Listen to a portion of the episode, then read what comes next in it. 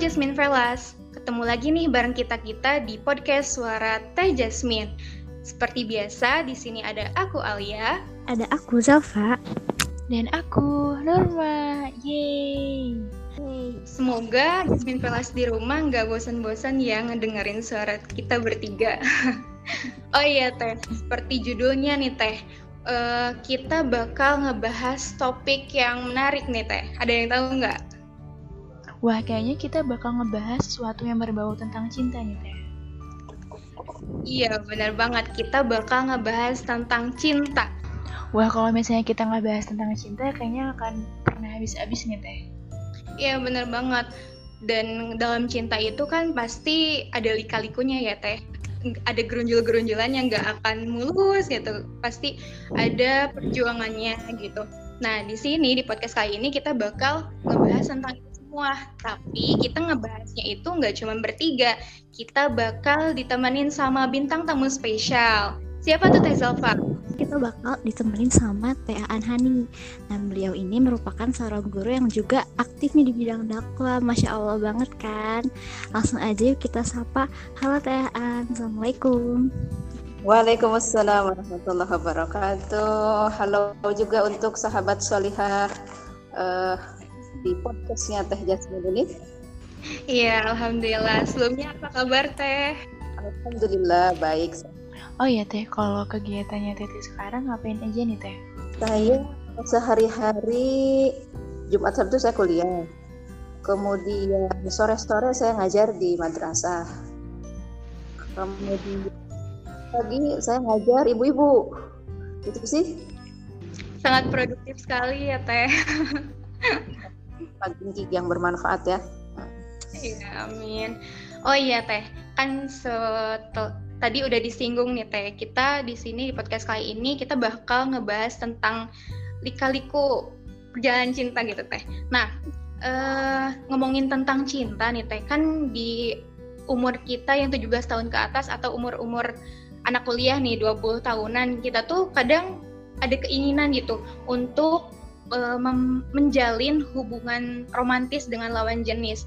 Tapi kan kita udah tahu ya teh kalau misalkan uh, hubungan yang emang dihalalkan dan dibolehkan itu cuma menikah. Tapi uh, ada sebagian orang yang memang mungkin bisa menikah gitu mungkin sudah menikah dan karena emang ada udah ada calonnya, udah siap dan lain sebagainya. Tapi ada juga seperti kita kita ini yang masih uh, belum siap dan masih belum datang gitu jodohnya. Tapi uh, terkadang gitu ada momen di mana kita tuh punya perasaan lebih gitu atau ketertarikan lebih pada lawan jenis.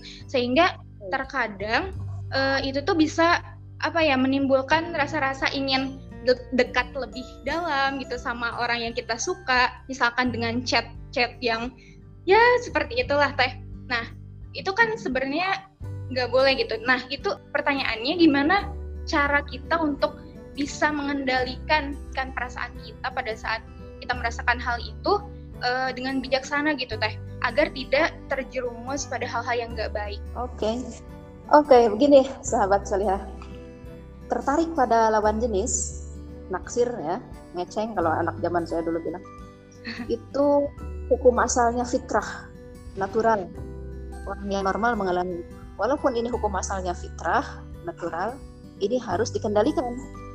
Dikendalikan dengan akal sehat, dikendalikan dengan agama. Karena jika tidak, yang akan mengambil alih kendalinya adalah syaitan. Perasaan pada lawan ini masih dianggap fitrah, masih dianggap wajar. Lalu sampai batasan mana itu sudah dikendalikan syaitan, gitu kan? Yang harus kita uh, pahami. Nah, untuk menjawab pertanyaan ini, mari kita lihat terlebih dahulu seperti apa tahapan orang jatuh hati itu ini ajaran guru saya dulu ketika saya masih kuliah dulu tahun 96 pertama kenal. Kita nggak ujuk-ujuk jatuh cinta kecuali pasti terlebih dahulu karena kita kenal dengan orang yang kita suka itu. Ya kita kenal tampilan fisiknya seperti apa kita kenal pembicaraannya bagaimana kita kenal uh, apa tabiat-tabiat dasar yang mengemuka yang nampak yang zuhiriyah kenal ketika awal kenal mungkin kita belum begitu merasa suka. Ya, sekedar kenal saja. Jadi sampai di tahap kenal ini masih boleh. Nah kemudian setelah di tahap kenal orang gak ujuk-ujuk jatuh cinta. Kecuali kita sampai di tahap kedua. Yakni kita berkenalan lebih intensif berinteraksi dengan lebih uh, sering ya. sehingga secara natural perkenalan yang lebih intensif ini melahirkan respect melahirkan simpati. Nah, tahap kedua tahap respect tahap simpati. Karena kita mengenal lebih jauh. Ya. Kalau sabda kata sabda Nabi begini sabda Rasulullah Shallallahu Alaihi Wasallam begini ruh-ruh itu ibarat satu pasukan yang dihimpun. Siapa yang saling kenal maka dia akan mudah akrab. Dan siapa yang tidak saling kenal maka dia akan tidak cocok atau menjauh. Gitu ya di hadis Bukhari Muslim dari Aisyah jadi ketika berinteraksi dengan aneka macam manusia kita akan lebih cenderung kepada orang-orang tertentu yang memiliki tabiat dasar yang analog dengan kita. Maka ia pun dalam ruang lingkup perkenalannya itu ia akan lebih cenderung respect tertarik eksent apa eksentrik artistik dan seterusnya. Orang yang eh, tabiat dasarnya suka kepada yang sifatnya ilmu pengetahuan bisa maka ia pun akan cenderung respect kepada orang yang gak suka ilmu pengetahuan. Pinter dan seterusnya. Nah, itu contoh ya. Nah, maka di tahap mengenal lebih jauh ini di situlah nanti akan muncul respect muncul simpati. Di tahap ini masih boleh masih natural ini masih fitrah. Kita semua punya kecenderungan kepada orang yang analog tabiatnya dengan kita. Ini masih boleh. Simpati. Kalau kata guru saya zaman dahulu, simpati itu adalah simpan saja baik-baik dalam hati. Jangan diekspresikan di raut muka, apalagi terucap dalam pembicaraan aku padamu misalnya itu ya. Nah, di level ketiga, tahap orang untuk jatuh hati itu adalah curahan hati. Setelah kita respect karena mengenal lebih jauh, maka kita mulai senang ngobrol intensif. Yang tadinya ketemunya hanya rapat organisasi, eh lama-lama bikin janji lain bahas masalah sendiri bahas urusan keluarga urusan saya sedih saya senang saya luka saya kecewa dan seterusnya. Mulai saling curhat. Nah di level ini harus sudah waspada kita. Di level ketika kita mulai ingin berbagi berbagi, berbagi perasaan ya dengan dengan pihak yang kita respect itu di level 3 ini kita harus sudah mulai waspada. Setan sudah bisa masuk di sini menggiring kita untuk holwat. Nah itulah jebakan setannya. Yang tadinya rapat bareng-bareng dalam organisasi bikin jadi sendiri jadi kan holwat ya baik holwatnya offline zaman jadul saya offline namanya maupun online kalau zaman sekarang. Social distancing sekarang ya. Holwat holwatnya online juga sampai larut malam dan seterusnya ngobrol aja ngechat. Itu bagian dari hal yang harus sudah diwaspadai di level curahan hati. Level 3 nah, Kemudian naik lagi ke level keempatnya, kalau kita tidak bisa mengendalikan diri di poin curahan hati ini, kita malah terbiasa berholwat, misalnya seperti itu, maka pada akhirnya kita akan jatuh ke level keempat, yakni level merindu, level uh, isyok kalau bahasa fikihnya, merindu, dicari-cari jika nggak ada, excited rasanya kita ketika berjumpa, ada energi lebih ketika kita membicarakannya. Ini level ancaman ini, kalau sudah di poin empat ini, ini sudah ancaman. Jika tidak ada terbayang sepenuh kelopak mata ya, sepenuh pikiran. Dan jika bertemu, ya, kita penuh tatapan mata melihatnya. Ini sudah masuk kita dalam perang setan. Karena saudara Rasulullah di hadis Hakim, pandangan mata itu baik pandangan mata langsung ketika fisiknya ada di hadapan kita, maupun pandangan mata tidak langsung ya ketika kita membayangkan gitu ya orangnya nggak ada tapi kita terbayang lekat di pelupuk mata ini sama-sama pandangan pandangan mata itu saudara Rasulullah adalah anak panah beracun dari anak-anak panah iblis siapa yang mampu menahannya maka dia akan merasakan manisnya iman di dalam hatinya hingga ia bertemu dengan Allah itu di hadis sahih jadi di tahap rindu ini harus sudah sangat dikendalikan gimana mengendalikannya nanti di poin cara mengendalikan level kelimanya adalah jatuh cinta. Masing-masing sudah saling terbuka. Saya suka padamu. Maukah kau menjadi istriku dan seterusnya? Will you marry me? Kita kalau kata ahli biologi mah otaknya telah dibanjiri feniletilamin ya. Di otaknya cuma ada dia. Dan level paling akhir, level paling parah adalah mengabdi. Ini yang mungkin kalau bahasa anak sekarang bucin gitu ya, kalau istilah anak sekarang. Level paling parah. Kita menjadi hamba cinta buta apa pun yang diperintahkan oleh orang yang kita cintai kita turuti ini sudah cinta buta.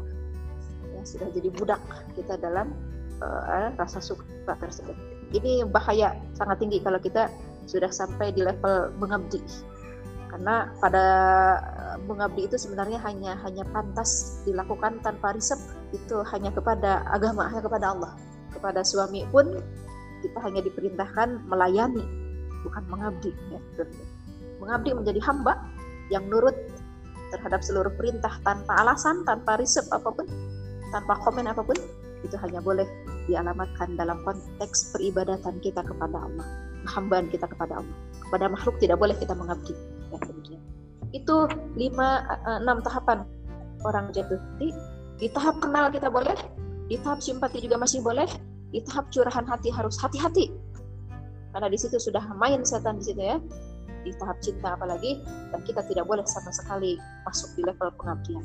Berarti ini ya Teh. Jadi kalau misalkan kita suka itu ya fitrah gitu tapi gimana cara kita mengendalikan itu ya kita menjaga interaksi ya teh.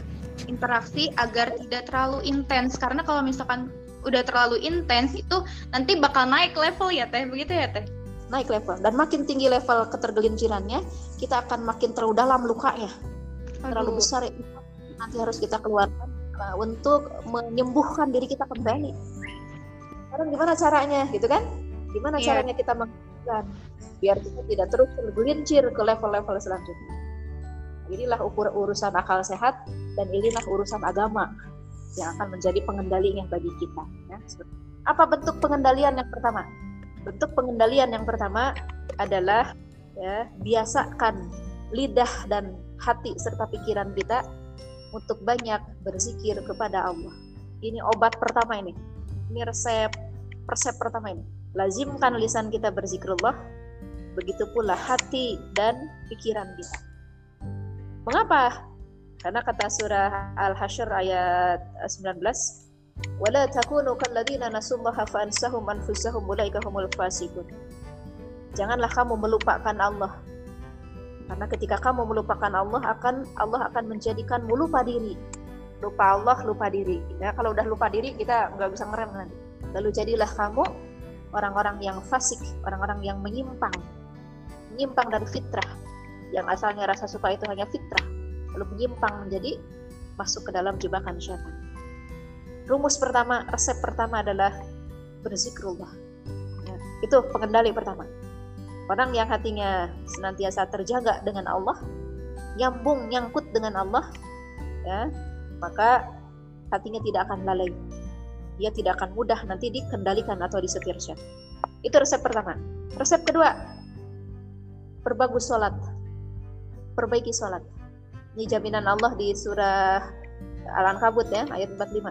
Surat itu mencegah fahisyah. Apa sih fahisyah itu? Fahisyah itu sebutan untuk dosa yang berkait dengan uh, urusan lawan jenis.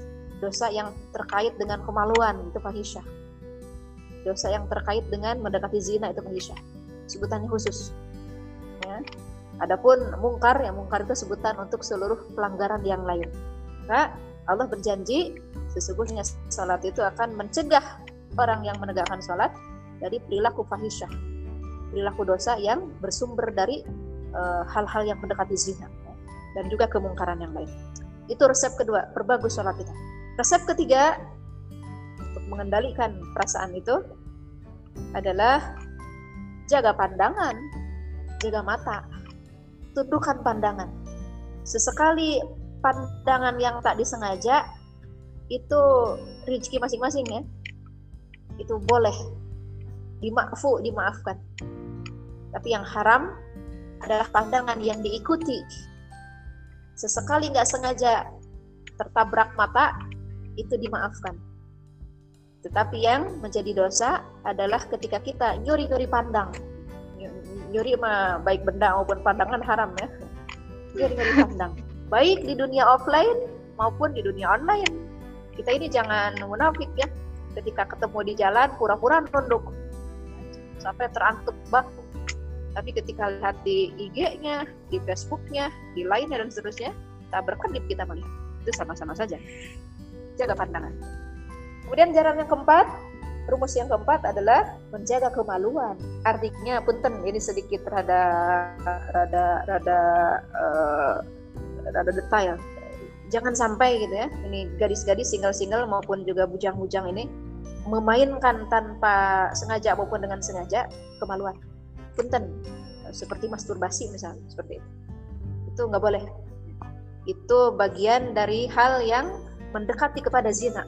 Allah melarang di surat Al-Nur ayat 30 Allah memerintahkan hendaklah mereka memelihara pandangan matanya dan memelihara kemaluan.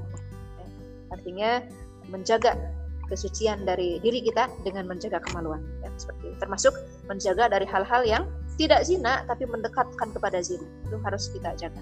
Rumus kelima, resep kelima adalah saum. Ini perintah Rasulullah ketika seseorang sudah sampai di level rindu atau level cinta. Ini obatnya kata Rasulullah kalau tidak menikah wahai para pemuda apabila kalian sudah sanggup menikah menikahlah. Tapi apabila kalian belum sanggup maka saumlah. Jadi saum ini obat ketika sudah agak parah. Saumlah. Karena sesungguhnya saum itu adalah perisai. Saum itu akan membentengi kita ya dari gejolak bisikan syaitan dan syahwat kita. Itu eh, prinsip-prinsip uh, dasar di dalam ini agama ya di dalam pencegahan dari tinjauan eh, agama tinjauan din untuk mengendalikan rasa suka itu biar tidak tergelincir kepada setan. Adapun secara aktivitas fisik hendaklah kita banyak melakukan aktivitas fisik jangan banyak diam. Jangan loba cicing kalau orang sudah bilang. Biarkan fisik kita capek dengan berbagai aktivitas ini akan mengalihkan uh, energi syahwat itu dengan olahraga dengan melakukan banyak kegiatan Kemudian dengan memiliki kegiatan sosial, sibukkan kita dalam kegiatan sosial organisasi misalnya dan hal-hal lain yang bermanfaat bagi masyarakat. Kemudian juga bagi laki-laki ini terutama, bagi laki-laki sibukkan diri dalam aktivitas ekonomi. Para bujang nih, idealnya mah justru sejak mereka balik, harusnya mereka sudah mulai berpikir untuk merintis maisyah, merintis kasab, merintis ekonomi. Eh, kesibukan dalam mencari ekonomi ya mencari ini akan lebih me mengendalikan gejolak uh, seksual. Kemudian nuntut ilmu, nuntut ilmu juga akan lebih mengendalikan dorongan tersebut. Ya. Dan terakhir, jangan terlalu berobsesi. Pokoknya mentajam si Eta, saya nggak mau nikah kayaknya, nggak boleh begitu. Jangan terlalu berobsesi, karena belum tentu yang kita sukai sekarang itu jadi jodoh kita. Nanti kita ditertawain takdir nanti jangan terlalu berobsesi. Dan terakhir tutuplah dengan banyak istighfar. Karena kadang kita tanpa sengaja kita berangan berlebihan. Tanpa sengaja kadang kita lalai angannya berkepanjangan lalu kita ikuti angan-angan itu maka harus dihapus berlebih-lebihan dalam berangan itu dengan ta'awuz dan dengan istighfar ta'awuz bisi karena itu pengaruh setan istighfar bisi itu karena pengaruh terlalu buruknya memang hawa nafsu kita ini itu ya di antara uh, skenario kita ini di antara ikhtiar kita untuk menterapi kesukaan kepada lawan jenis yang hukum asalnya fitrah tapi kita kendalikan biar tidak tergelincir kepada dosa. Begitu sahabat sekalian. Waduh, teh banyak banget ya tips-tipsnya buat kita para jomblo biar bisa mengendalikan rasa cinta kita atau ketertarikan kita pada lawan jenis. Yang penting uh, paling terutama itu jaga mata ya soalnya dari mata itu turun ke hati. Iya. Bener banget nih teh Masya Allah banget tadi penjelasannya ya. Nah ini teh uh, terus kan kalau misalnya teh dalam masa sendiri ini atau masa sebelum menikah, kebanyakan orang di luar sana kan menyebutnya sebagai masa memperbaiki diri ya teh atau memataskan diri. Namun sebenarnya apakah kita perlu teh untuk melakukan semua itu sebelum menikah teh? Oke, tentu saja. Ada rumus umum ya dalam kaidah perjodohan itu. Ini ada kaidah umum dan kaidah umum ini ditetapkan oleh Allah sendiri di surat An-Nur ayat 26. Perempuan-perempuan yang baik untuk laki-laki yang baik dan sebaliknya laki-laki yang baik juga untuk perempuan-perempuan yang baik. Itu kaidah umum. Sunatullah umumnya begitu. Makanya urgensinya kita memantaskan diri sebelum menikah adalah agar ketika suatu saat tiba takdirnya kita menikah, kita telah relatif terperbaiki seluruh keadaan diri kita, baik secara fisik kita, baik secara ruhiah kita, baik secara tabiat internal kita, pengendalian emosi kita, maupun juga akhlak kita yang mengemuka, ya, maupun hal-hal lain lainnya. Jika kita telah relatif menyadari di mana kelemahan kita lalu kita memperbaikinya, maka kita berharap kaidah umum ini Allah berlakukan untuk kita, yakni kita pun mendapati pasangan yang juga sepadan kebaikannya dengan kita. Kita pun mendapati pasangan yang juga telah memperbaiki menyadari kesalahan kekurangan dirinya, sekaligus juga punya kesadaran untuk terus-menerus mengembangkan diri dan memperbaiki. Oh ya teh, kalau misalnya teh ada orang ya dia tuh pengen memantaskan diri, misalnya ada orang yang ingin memantaskan diri, tapi dia tuh ingin memantaskan dirinya karena untuk memenuhi kriteria idaman orang yang dia sukai, itu tuh apakah boleh teh?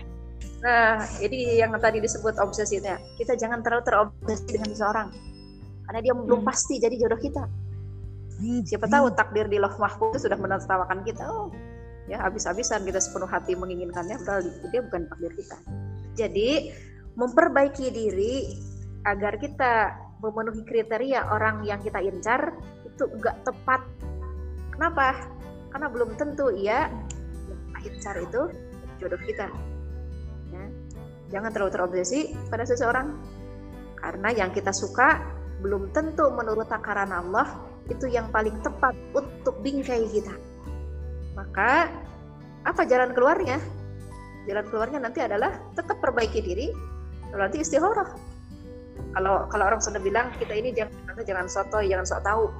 Jadi yang ikhlas adalah kita memperbaiki diri, Allah menyuruh kita memperbaiki diri karena kita mengharap kepada Allah pasangan yang uh, sekufu dengan kita dalam hal kebaikannya, dalam hal agamanya, siapa pun dia adanya siapa pun dia nanti yang Allah datangkan kepada kita.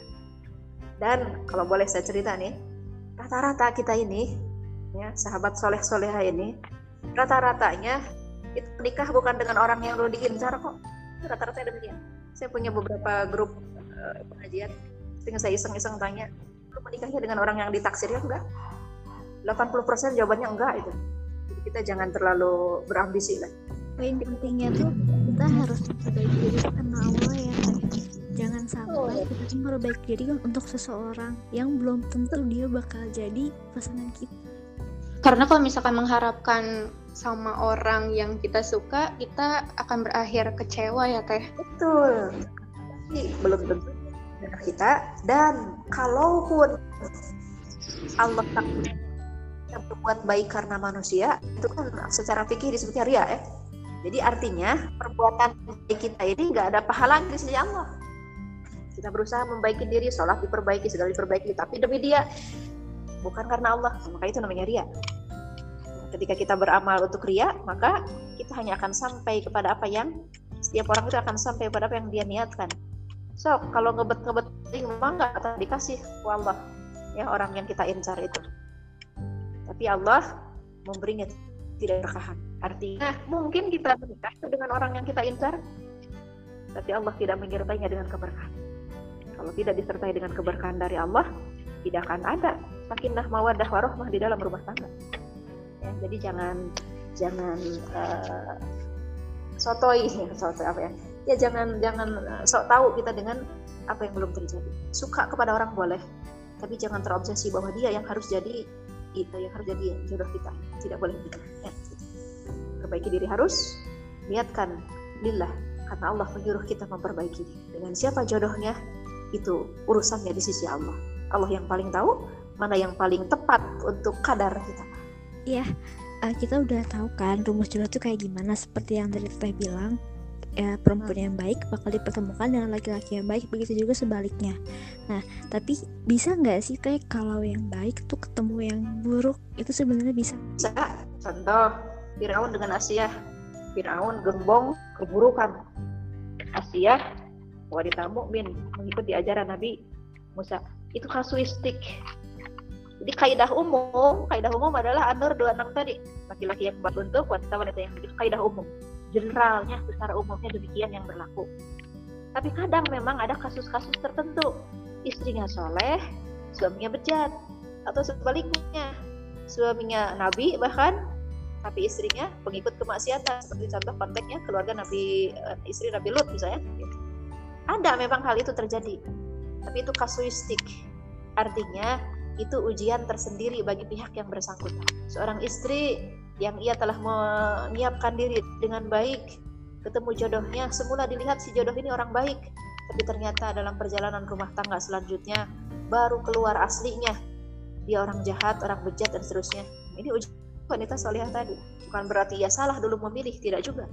Ini ujian baginya. Maka uh, sebelum hal itu terjadi, sebelum ini kan para lajang nih belum nikahnya ya maka sebelum nikah dengan orang jeleknya itu terjadi maka mumpung masih lajang sekarang maka kita berikhtiar ya sejauh yang kita sanggupi memperbaiki diri berdoa memohon kepada Allah dengan serius agar kita diberikan dengan orang takwa orang soleh beristighfar yang banyak kita banyak keburukan Allah tidak menghukum kita atas keburukan kita ini dengan diberinya kita pendamping yang jelek berbuat solih beramal solih kepada orang tua kepada kerabat kepada tetangga dan kepada makhluk makhluk secara umum.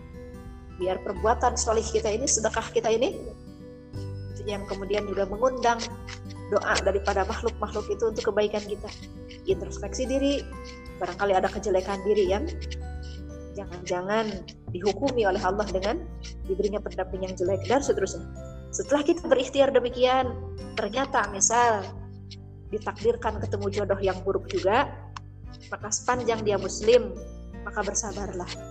Berusahalah untuk tetap menjaga kelanggengan rumah tangga.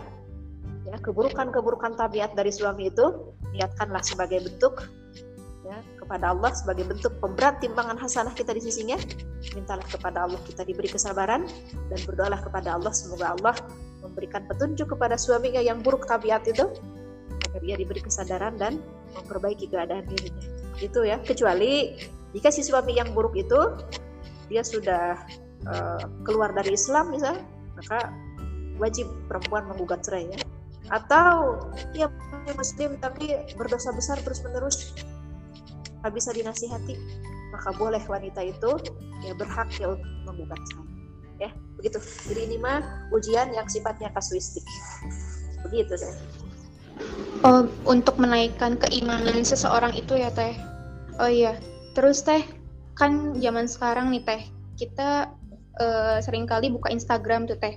Banyak banget uh, di Instagram itu pasangan-pasangan suami istri yang sering apa namanya mengepost atau ngeposting uh, kemesraan-kemesraan mereka gitu di sosial media.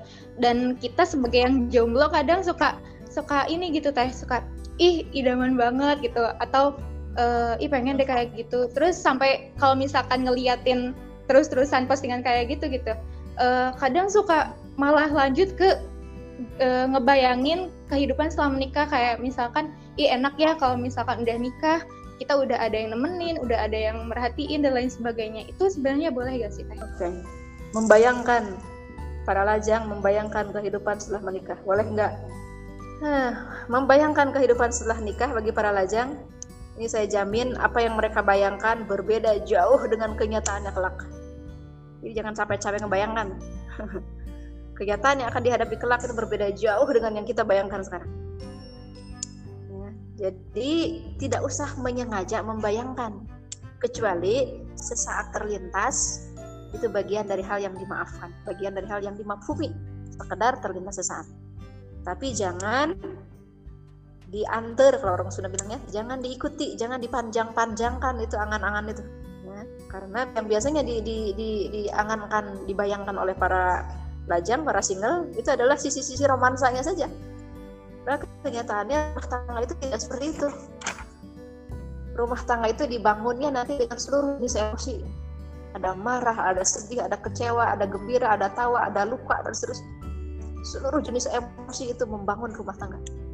Ya. Sedang yang dibayangkan oleh para single ini, ini pada saat ini hanya sisi-sisi yang romansanya saja biasanya. Itu cuma pemubaziran waktu, pemubaziran emosi sekaligus pemubaziran pikiran dan angan-angan model itu itu bagian dari tipuan setan setan yang memanjangkan angan-angan sekali lagi sesekali tanpa sengaja terlintas itu siapa pun mengalami. Yang dosa itu kalau kita menyengaja. Diikuti itu lamunan diikuti itu angan-angan bahkan disengajakan sebelum tidur ah. yang ngajak membayangkan sampai berapa episode gitu ya kita membayangkan. Dihentikan dengan ta'awuz a'udzubillahi minasyaitonirrajim. Karena ini angan-angan bagian dari syaitan. Lalu istighfar astagfirullahaladzim mohon ampun ya Allah. Karena ini bagian dari buruknya hawa nafsu kita. Gitu ya, oh gitu ya teh berarti ini Jasmine Velas dan kita semua yang masih lajeng nih kalau misalkan ngelihat apa namanya postingan Instagram selebgram selebgram jangan sampai berhayal terlalu jauh ya. Jangan percaya percaya amat. Di balik oh, profil Instagram itu mereka berantem juga kok itu. Aduh. Nah, emosi ada dalam gitu. Oh iya terus gini nih. Uh, sebenarnya ya harusnya tuh kita tuh menunggu jodoh atau mencari jodoh soalnya kan uh, mengingat uh, ada stereotip stereotip kayak gini kalau perempuan itu nunggu kalau laki-laki itu ngejar ini yang nanya-nanya uh, single perempuan ya. Perempuan itu diam aja, pasif nunggu. Ataukah kita boleh proaktif menyatakan diri bahwa saya siap menikah? Itu sebenarnya cuma permainan kata-kata saja. Itu cuma perbedaan kata-kata saja. Hakikatnya sama. Ya ini hakikatnya adalah jodoh itu ketetapan Allah yang diperintahkan kita untuk berikhtiar di dalamnya. Nunggu itu bagian dari ikhtiar. Tapi nunggu kita tidak tidak pasif. Nunggu itu dengan aktif memperbaiki diri tadi. Dengan aktif berdoa. Dengan aktif beramal soleh. Dengan aktif tawakal. Ini nunggu yang benar ini nunggu yang terhormat ini ikhtiar. Jadi kalau mau dikatakan para gadis itu ya stereotipnya adalah nunggu benar. Yakni nunggu dengan aktif memperbaiki diri. Lalu kalaupun para gadis ini proaktif selain tadi dia memperbaiki diri, beramal soleh, berdoa, tawakal dan seterusnya, dia juga proaktif bersilaturahim kepada kolega-kolega dekat, kepada ya tetua-tetua yang soleh dan bijak agar mereka membantu kita mencarikan jodoh dengan cara yang terhormat dan bermartabat dengan tidak merendahkan diri kita maka ini juga benar ini juga bagian dari ikhtiar jadi hakikatnya sama saja. Ya, boleh kita nunggu dengan dengan cara tadi tetap aktif memperbaiki diri, doa, amal soleh dan seterusnya. Boleh juga kita dengan proaktif bersilaturahim kepada kolega-kolega yang terdekat, yang soleh, yang bijak, agar mereka membantu kita mencari calon jodoh dengan cara yang terhormat, dengan cara yang tidak merendahkan martabat kita. Yang nggak boleh itu bukan nggak boleh ya yang kurang kurang elegan itu yang kurang elegan itu kalau ahwat kalau uh, solihah solihah ini menawarkan diri langsung kepada pihak ikhwan wahai ahi saya suka kepada anda anda mau nggak jadi suami saya? Itu kurang elegan. Walaupun boleh mah boleh tetapi kurang apa ya kurang elegan di mata budaya. Dan kalau boleh saya jujur para bapak-bapak itu para ikhwan itu agak nggak begitu suka kepada akhwat yang uh, to the point bilang saya suka kepadamu engkau mau nggak menikah denganku? Itu agak melabrak budaya. Walau secara syariat mau boleh-boleh saja tapi siap nggak kita perempuan malu gitu aja lah. Siap nggak kita ditolak? Karena bagi perempuan itu lebih ngenes rasa sakitnya dibanding ketika laki-laki ditolak gitu ya. Contoh nih contoh cara yang elegan dan terhormat ketika menawarkan seorang akhwat ini contoh yang dilakukan oleh Maisarah. Maisarah itu kolega dekatnya eh, Khadijah. Ketika Khadijah tertarik dengan kearifan dengan kebijaksanaan dengan perangai mulia perangai luhur Rasulullah Shallallahu Alaihi Wasallam Muhammad belum jadi rasul maka Khadijah tidak langsung to the point datang kepada Muhammad tidak Khadijah menceritakan kepada Maisarah dan Maisarah ini seorang yang bijak. Dia tidak langsung to the point juga menawarkan Khadijah kepada Rasulullah tidak. Tapi dengan uh, perantaraan prolog yang begitu elegan. Jadi posisinya uh, merendahkan Khadijah tidak. Maisarah berkata, "Wahai Muhammad, engkau ini sudah cukup dewasa, engkau sudah punya pekerjaan yang pantas, engkau dari kalangan terhormat, budi pekertimu mulia, banyak para gadis setingnya ya juga tidak akan keberatan ketika engkau lamar. Kenapa engkau belum juga menikah? Maka Rasulullah dengan tawadu berkata emang siapa yang ya perempuan mulia yang mau menikah denganku? Yang yatim piatu ini harta juga tidak seberapa. Nah, kondisi masuk dengan begitu elegan Maisarah. Ada wanita cantik, terhormat, berperangai mulia, kaya, yang dia akan bersedia untuk menjadi istrimu. Siapa kata Muhammad ketika itu?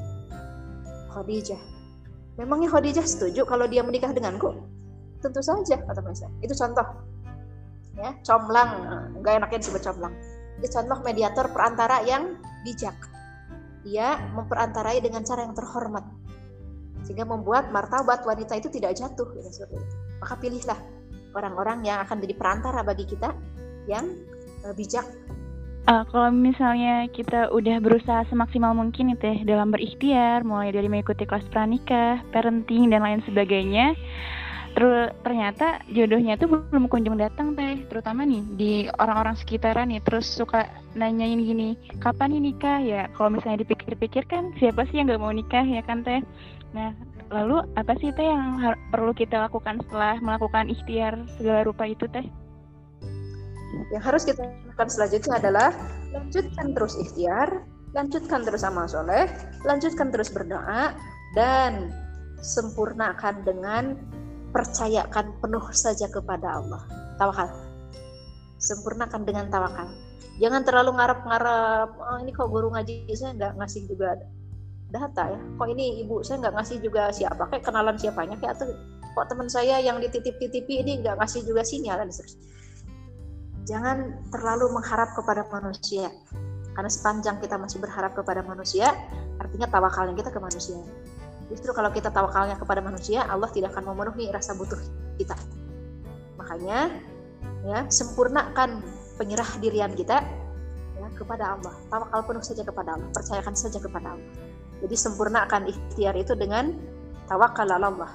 Hati bersandar kepada Allah, lisan banyak berzikir la haula wala quwata illa billah. Itu zikir kalimat tawakal itu la haula wala quwata illa billah. Nah, biasanya orang kalau sudah sampai di level pasrah total kepada Allah, begitu jodoh itu kurumui datang ya. Nah, mungkin kita tawakalnya kurang. Oh, sempurnakan dulu tawakal. Terus jangan ilpil. Jangan sentimen kepada rekan, kerabat atau siapa pun yang kapan nikah, kapan nikah, jangan sentimen. Hadapi saja dengan senyum, hadapi saja dengan sikap positif, tinggi. Itu bukti mereka peduli dengan kita. Maka jawab saja dengan tolong atuh, doakan, barangkali doanya mbak, doanya teteh, doanya ibu, dengan mudah dan dekat dan seterusnya, bla bla bla seterusnya. Gitu, jangan sentimen ya kalau ada orang nanya-nanya kapan nikah kapan nikah. Ya, Oke teh berarti habis berikhtiar lalu bertawakal terus ya teh. Karena pasti ya Allah itu tahu apa yang terbaik untuk setiap hambanya ya teh. Kalau misalkan jodoh pasti didatangkan pada waktu yang terbaik juga. Oh, ya betul sekali. Nih setelah kita udah ngobrol lumayan panjang ya teh, ternyata masih ada nih teh yang sedikit mengusik dalam pikiran. Nah, sebenarnya yang dikatakan jodoh itu, yang dinamakan jodoh itu seperti apa sih teh? Karena nggak jarang ada orang yang habis menikah, terus di tengah jalan cerai, lalu habis cerai ada juga yang langsung menikah lagi. Lalu yang dinamakan jodoh itu yang mananya teh? Oke, okay. Yang menikah lalu cerai, selama mereka menikah itulah jodohnya. Dan ketika mereka bercerai berarti bukan lagi jodohnya. Itu aja simpel. Artinya pernikahan itu harus dirawat oleh kedua belah pihak. Jodoh itu harus diperjuangkan agar langgeng oleh kedua belah pihak dengan penuh kesadaran, dengan penuh tanggung jawab. Jika kedua belah pihak telah berusaha, telah merawat, ternyata enggak juga ada titik temu perbaikan nih, masih juga paket truk aja nih misalnya, berantem aja nih gitu. Maka bercerai adalah hal yang dibolehkan demi untuk menuju kemaslahatan seluruh pihak ketika mereka telah bercerai. Setelah bercerai ya berjuang lagi, berikhtiar lagi, berdoa lagi, beramal soleh lagi, bertawakal lagi untuk mendapatkan jodoh lain yang lebih berkah. Gitu. Di, dibuat simpel saja. Lalu misal seorang lelaki yang istrinya empat, jodohnya yang mana? Ya, ya sepanjang mereka masih terikat.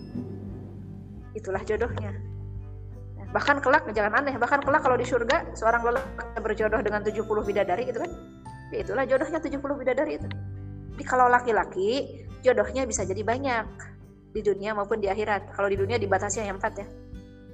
Tapi kalau perempuan ya jodohnya ya hanya satu dalam satu kali ikatan pernikahan gitu kan. Ya. Dan uh, kalau bicara soal surga jangan khawatir nanti di surga enggak ya. Walaupun orang wanita punya 70 madu bidadari tidak ada cemburu di surga. Yang saja. Lalu ada yang bertanya nanti misal uh, bagi wanita yang jodohnya di dunia hanya satu, ya di surga juga satu nanti ya. Tapi bagaimana dengan wanita yang menikahnya berkali-kali dengan karena suaminya meninggal? Kalau suaminya cerai kan berarti bukan jodohnya. Suaminya meninggal, nikah sampai empat kali bisa satu wanita meninggal semuanya. Nanti di surga jodohnya yang mana ya? Jangan kita pusing, yang penting masuk surga aja dulu ya. Tidak usah terlalu pusing kita nanti jodohnya di surga di mana. Yang jelas kata Rasulullah ketika Ummu Salamah ditinggal wafat oleh Abu Salamah dan Ummu Salamah itu sangat mencintai Abu Salamah wafat lalu Rasulullah meminangnya. Dan Ummu Salamah menerima pinangan Rasulullah. Lalu jadilah Ummu Salamah istri Rasulullah. Kemudian Ummu Salamah bertanya kelak di surga? Siapa yang akan jadi suamiku? Kata aku pun menyukai Abu Salamah. Maka kalau bagi istri-istri Rasulullah yang bakal jadi suaminya kembali ya tetap kelak di akhirat Rasulullah. Tapi bagi para perempuan lain yang di dunia pernah punya suami banyak dan meninggal dan mereka semuanya soleh maka kelak di akhirat Allah akan menyerahkan kepada wanita itu ya mana lelaki yang paling mulia yang paling dia inginkan. Oh gitu ya teh. Jadi yang namanya jodoh itu kalau di dunia itu tergantung seberapa lamanya seberapa lamanya dalam ikatan pernikahan dan jodoh itu harusnya memang diperjuangkan gitu kan teh.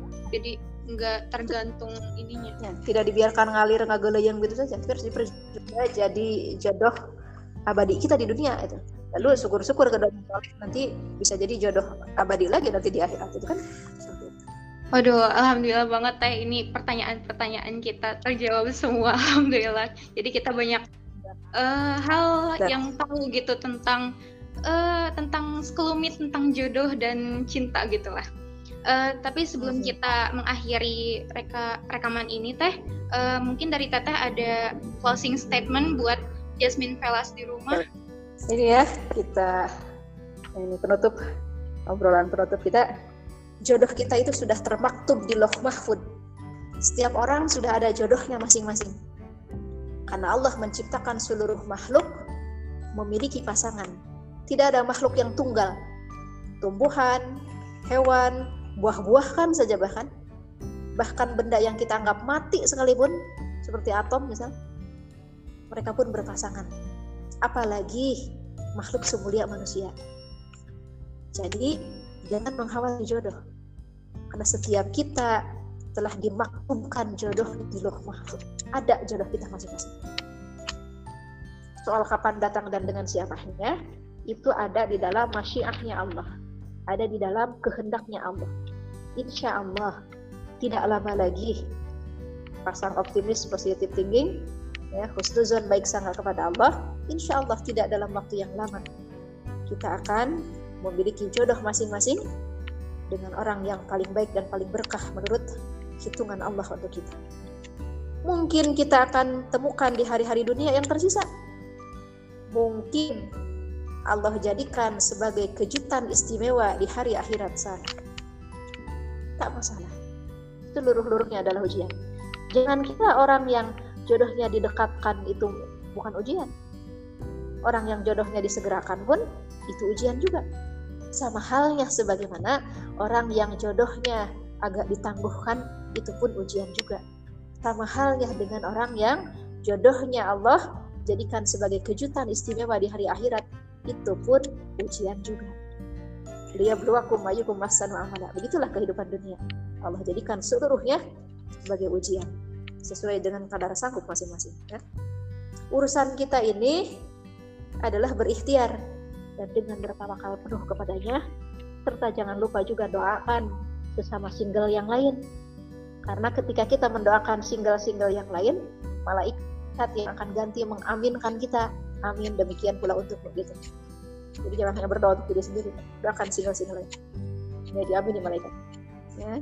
Dengan ikhtiar itulah pahala bagi masing-masing diperoleh. Sehingga tidak sia-sia sama sekali penantian itu. Itu barangkali yang bisa saya sampaikan. Mudah-mudahan Allah melimpahkan manfaatnya bagi kita atas pertemuan ini. Obrolan kita bukan menjadi obrolan yang sia-sia insya Allah. Amin. Uh, Masya Allah banget ya Teh. Uh, jadi kalau misalkan diambil kesimpulannya, bahasan pada podcast kali ini tuh mencangkup tiga poin ya Teh, ikhtiar, sabar, dan tawakal. Ikhtiar dalam memperbaiki diri uh, ketika menanti jodoh gitu. Memperbaiki diri dalam berbagai aspek dan sabar ketika uh, kita masih belum dikasih jawaban sama Allah dan pasrah dan percaya sama Allah kalau apa pun nanti pasti apa pun yang terjadi nanti pasti uh, itu adalah hal yang terbaik untuk kita sebagai hambanya gitu. Terima kasih ya Teh Aan udah mau ngobrol-ngobrol bareng kita. Iya, uh, maaf juga kalau misalkan kita ganggu waktunya. Uh, semoga uh, Teh Aan uh, dilancarkan segala urusannya dan semoga juga kita bisa ngobrol-ngobrol lagi ya Teh di lain kesempatan. Amin, amin. Sama-sama. Terima kasih sahabat sekalian sekalian. Saya pamit undur diri. Alhamdulillahirrahmanirrahim. Assalamualaikum warahmatullahi wabarakatuh. Waalaikumsalam warahmatullahi wabarakatuh. Nah, alhamdulillah ya Teh, kita udah beres nih ngobrol-ngobrol tentang cinta. Eh, uh, dan ternyata pas kita ngobrol-ngobrol sama Teh itu banyak banget ya apa namanya pandangan kita terbuka, terus hal-hal yang belum kita tahu kita jadi tahu gitu dan semoga setelah mendengarkan ini kita bisa menjadi pribadi yang lebih baik lagi bisa diamalin nih uh, apa yang sudah disampaikan sama TAan gitu. Iya, iya. Jadi gini nih, uh, Jasmine Velas pada nyadar gak sih kalau be sejak beberapa waktu yang lalu kita suka up konten tentang cinta. Tentang nikah juga ya, Teh? Iya, tentang nikah juga, tentang cinta, tentang nikah. Nah, jadi So Jasmine ini bakal ngadain sebuah project yang namanya Soulmate. Nah, Soulmate ini uh, bakal jadi wadah buat Jasmine Vela semua untuk menggali lebih dalam lagi nih tentang ilmu pranikah. Jadi ini tuh kayak wadah buat mempersiapkan pernikahan karena kan gak ada salahnya buat mempersiapkan. Betul gak sih Teh? Iya bener banget. Jadi di Project Soulmate juga bakal ada kelas-kelas yang bakal mengedukasi kita uh, tentang ilmu-ilmu pranikah. Nggak cuma satu, ada beberapa. Jadi pasti mumpunilah untuk kita belajar ilmu pranikah dan tentunya kita bakal dibimbing sama pemateri-pemateri yang ahli di bidangnya. Jadi jangan lupa buat stay tune di Instagramnya Teh Jasmine di @tehjasmine4 kalau bisa aktifin notifikasinya biar tahu kalau Teh Jasmine posting feed Instagram gitu biar jadi orang yang pertama gitu uh, buat daftar ya. Terus ada apa lagi teh? Dan jangan lupa untuk add lainnya di @jasmine, Instagram di @jasmine4 dan YouTube Teh Jasmine dan Spotify di Suara Teh Jasmine. Iya benar banget. Jangan lupa ya kalau podcast Suara Teh Jasmine jangan lupa untuk klik favorit di Anchor dan klik following di Spotify biar nanti kita selalu semangat buat upload podcast berikutnya. Nah, uh, sekian aja nih podcast kita kali ini. Semoga uh, konten kita kali ini bermanfaat buat Jasmine Vela semua. Cukup sekian. Mohon maaf kalau kita ada salah penyampaian. Dadah, wassalamualaikum.